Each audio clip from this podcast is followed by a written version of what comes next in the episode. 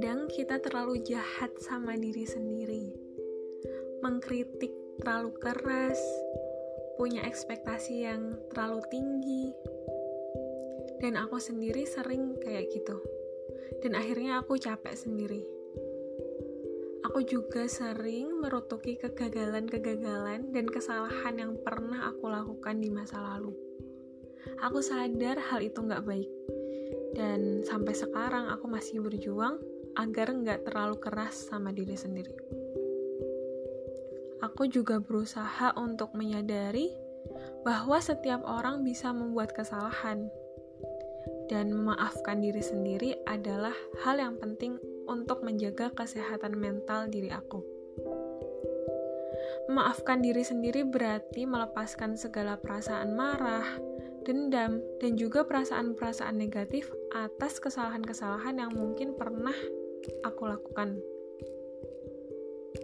Memaafkan juga berarti menerima perilaku tersebut, menerima apa yang telah terjadi, dan bersedia untuk melewati dan melanjutkan hidup tanpa menyalahkan diri sendiri.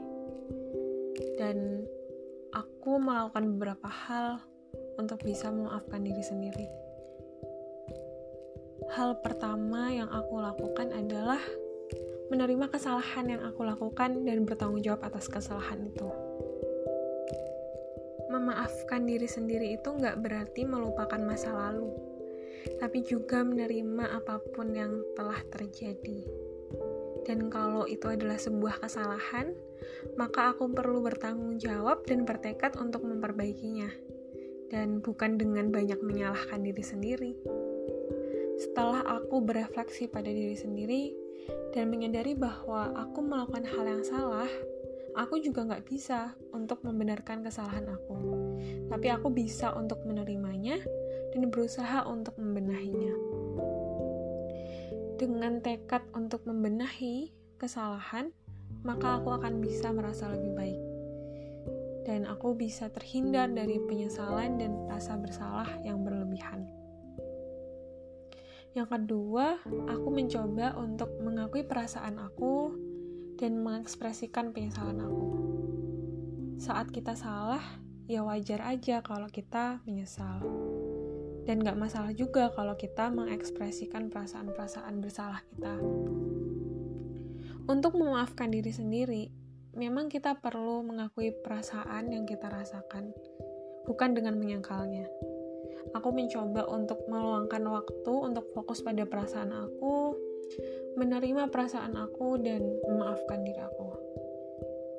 Dengan aku mengakui perasaan aku gitu, aku bisa melihat lebih luas apa yang telah aku lakukan dan apa yang aku alami. Kalau aku mengabaikan ataupun menyangkal emosi, bisa jadi gitu, lebih banyak penyesalan yang aku rasakan. Yang ketiga, aku mencoba untuk menyadari bahwa tidak ada orang yang sempurna di dunia. Dengan mencoba memahami hal itu, aku mulai berhenti untuk secara berlebihan menyalahkan diri sendiri. Dengan aku mengingatkan diri aku bahwa emang gak ada orang yang sempurna di dunia ini, aku bisa lebih kayak ya udahlah, gak apa-apa sekarang masih salah kan ini masih proses belajar. Dan aku bisa lebih memaafkan diri aku dan ingin untuk tidak mengulang kesalahan aku.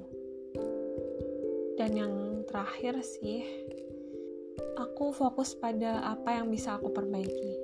Dari kesalahan aku belajar dan aku coba ambil hikmahnya.